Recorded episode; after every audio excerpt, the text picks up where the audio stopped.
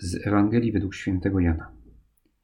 Jezus przechodząc ujrzał pewnego człowieka niewidomego od urodzenia, splunął na ziemię, uczynił błoto ze śliny i nałożył je na oczy niewidomego.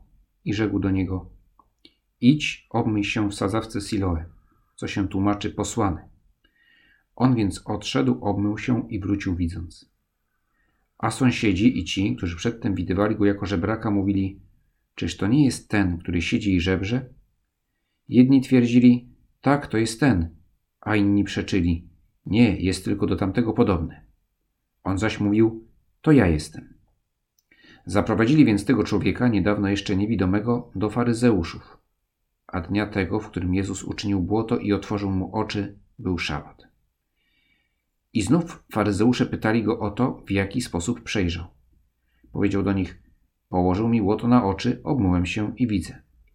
Niektórzy więc spośród faryzeuszów rzekli: Człowiek ten nie jest od Boga, bo nie zachowuje szabatu. Inni powiedzieli: Ale w jaki sposób człowiek grzeszny może uczynić takie znaki? I powstało wśród nich rozdwojenie. Ponownie więc zwrócili się do niewidomego: A ty co o nim myślisz w związku z tym, że ci otworzył oczy? Odpowiedział: To jest prorok. Na to dali mu taką odpowiedź: Cały urodziłeś się w grzechach, aż śmiesz nas pouczać? I precz go wyrzucili. Jezus usłyszał, że wyrzucili go precz i spotkawszy go, rzekł do niego: Czy ty wierzysz w syna człowieczego? On odpowiedział: A któż to jest, panie, abym w niego uwierzył? Rzekł do niego Jezus: Jest nim ten, którego widzisz i który mówi do ciebie. On zaś odpowiedział: Wierzę, panie, i oddał mu pokłon. Sposób, w jaki Pan Jezus uzdrowił niewidomego, zostałby dziś pewnie uznany przez służby sanitarne za, za niedopuszczalny. Że przez ślinę przekazuje się wirusa i, i tak nie można postępować. Ale Pan Jezus nie zakażał wirusami, jeśli już to zarażał swoją miłością. Dla faryzeuszy zresztą problemem nie była ślina, lecz szabat, bo akurat był dzień szabatu, kiedy tego uzdrowienia dokonał a w szabat nie wolno było pracować. W swojej pokręconej teorii prawa mojżeszowego faryzeusze uważali, że uzdrowienie, nawet cudowne, mieściło się w ramach działalności lekarskiej. Tak pewnie dzisiaj by nawet podali odpowiednią sygnaturę, że to jest klasyfikacja cudowne uzdrowienia. W ramach działalność medyczna cudowne uzdrowienia.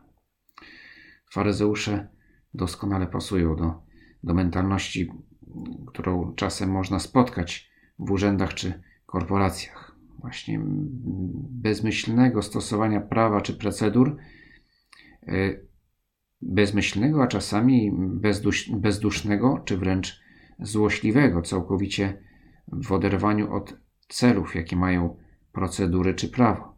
Bo oczywiście procedur trzeba przestrzegać, może szczególnie teraz tych procedur związanych z ochroną przed epidemią ale, ale w wielu innych dziedzinach również. Tylko, że rozumiejąc, czemu te procedury służą. Bo jeśli mm, stosujemy mm, procedury prawo w sposób bezmyślny, czy bezduszny, czy wreszcie złośliwy, to nie tylko, że możemy wyrządzić więcej szkody, ale też w ogóle zniechęcić do przestrzegania prawa. No ale zostawmy tutaj tych faryzeuszów i ich, ich właśnie taką pokręconą mentalność i wróćmy do naszego uzdrowionego. Doświadczenie osób niewidomych od urodzenia po odzyskaniu wzroku to często rozczarowanie. Tak co najmniej czytałem, że, że często te osoby wyobrażają sobie świat piękniejszym niż w rzeczywistości jest. Albo raczej niż, niż to widać, bo, bo może w swojej wyobraźni widzą świat takim, jakim chciał go Bóg, ale dopiero a zobaczywszy go przez zmysł wzroku, już tego piękna tak łatwo nie dostrzegają. Co zobaczył, co zobaczył ów uzdrowiony niewidomy? Pierwsza rzecz, którą zobaczył, to była twarz Pana Jezusa. I myślę, że, że wówczas jego reakcja była, jaki piękny jest świat.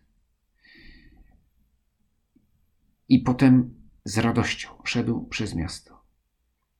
Dzisiejsza niedziela nazywana jest w liturgii letare, niedzielą radości. To jest stary zwyczaj, że, że określa się niektóre niedziele od, od pierwszych słów po łacinie antyfony przewidzianej na daną mszę. No właśnie ta antyfona jest Raduj się Jeruzalem. Niedziela radości, abyśmy pamiętali również w czasie Wielkiego Postu, również w czasie tego szczególnego czasu epidemii, że nasza droga z Panem Jezusem jest radosna, ale też wymagająca i naznaczona krzyżem. I w przypadku tego uzdrowionego to tak właśnie jest. Jeszcze nie zdążył się nacieszyć pięknem świata, Panem Jezusem czy twarzami ludzi życzliwych, których spotykał, gdy zobaczył gęby. Złośliwe, podstępne gęby. Początkowo przykryte maskami rozsądnych i pobożnych mędrców, którzy udają, że chcą poznać prawdę, w rzeczywistości realizują plan likwidacji Pana Jezusa. Co zrobił uzdrowiony niewidomy? Był żebrakiem. Nie miał przygotowanych, przygotowania do, do dyskutowania z zawodowcami w dziedzinie manipulacji przekrętów prawnych, jaką, jakimi byli w swej większości faryzeusze.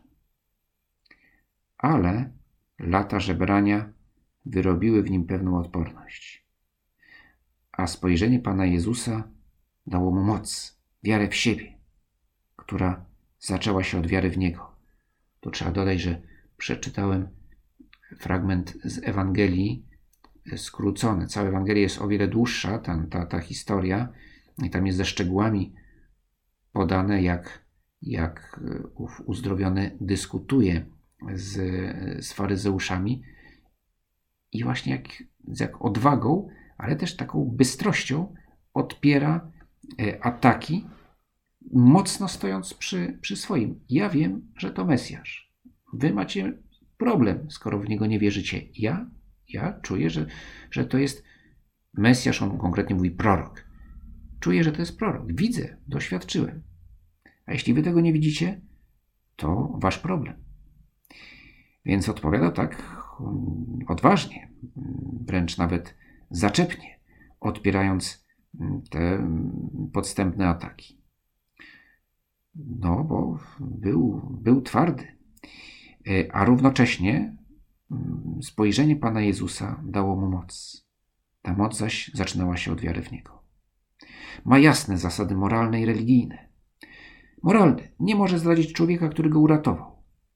I równocześnie religijne, bo na podstawie znaków widzi, że ten człowiek objawia mu wolę Boga. Idzie od samego Boga. Jeszcze nie wie, że to jest sam Bóg, ale wyraźnie, swą właśnie taką mądrością człowieka prostego, ale doświadczonego, widzi, to musi być prorok. To musi być ktoś, kto idzie od Boga. Więc jeśli go atakują, to się mylą to się zwracają przeciwko samemu Bogu. I odgryza się dzielnie faryzeuszom i nie daje się złamać. A gdy znowu spotyka Jezusa, uznaje w nim Mesjasza. Staje się jego przyjacielem i uczniem. Obyśmy i my potrafili być lojalni wobec Boga. Nie dawali się przygnieść ani jakimś pseudonaukowym argumentom, bo prawdziwa nauka nie jest przeciwko wierze. Ludzie nauki, którzy ją uprawiają w sposób rzetelny, nawet jeśli nie wierzą, to nie atakują, nie są wojującymi ateistami, e, bo są mądrzy. E, więc jeśli ktoś usiłuje posiłkować się nauką, aby atakować wiarę, prawdy wiary, to jest to, to jest to głęboko błędne. Obyśmy nie dawali się temu przygnieść. A także, co jest, myślę, że obecnie o wiele częstsze, drwinie czy hejtowi. Tak często z tym mamy do czynienia, no szczególnie w internecie. Hejt, prawda? Ludzi, którzy sami są może, nie wiem, nieszczęśliwi i strasznie, i strasznie źli na Pana Boga czy na chrześcijan i wylewają swoje żale e, w sposób bardzo nieelegancki. Nie dajmy się tego, temu przygnieść, ale zdecydowanie stawajmy po stronie Pana Jezusa. Czy to bezpośrednio broniąc naszej wiary, czy też broniąc drugiego człowieka, przed niesprawiedliwością czy oskarżeniami, bo i wówczas stajemy po stronie Pana Jezusa.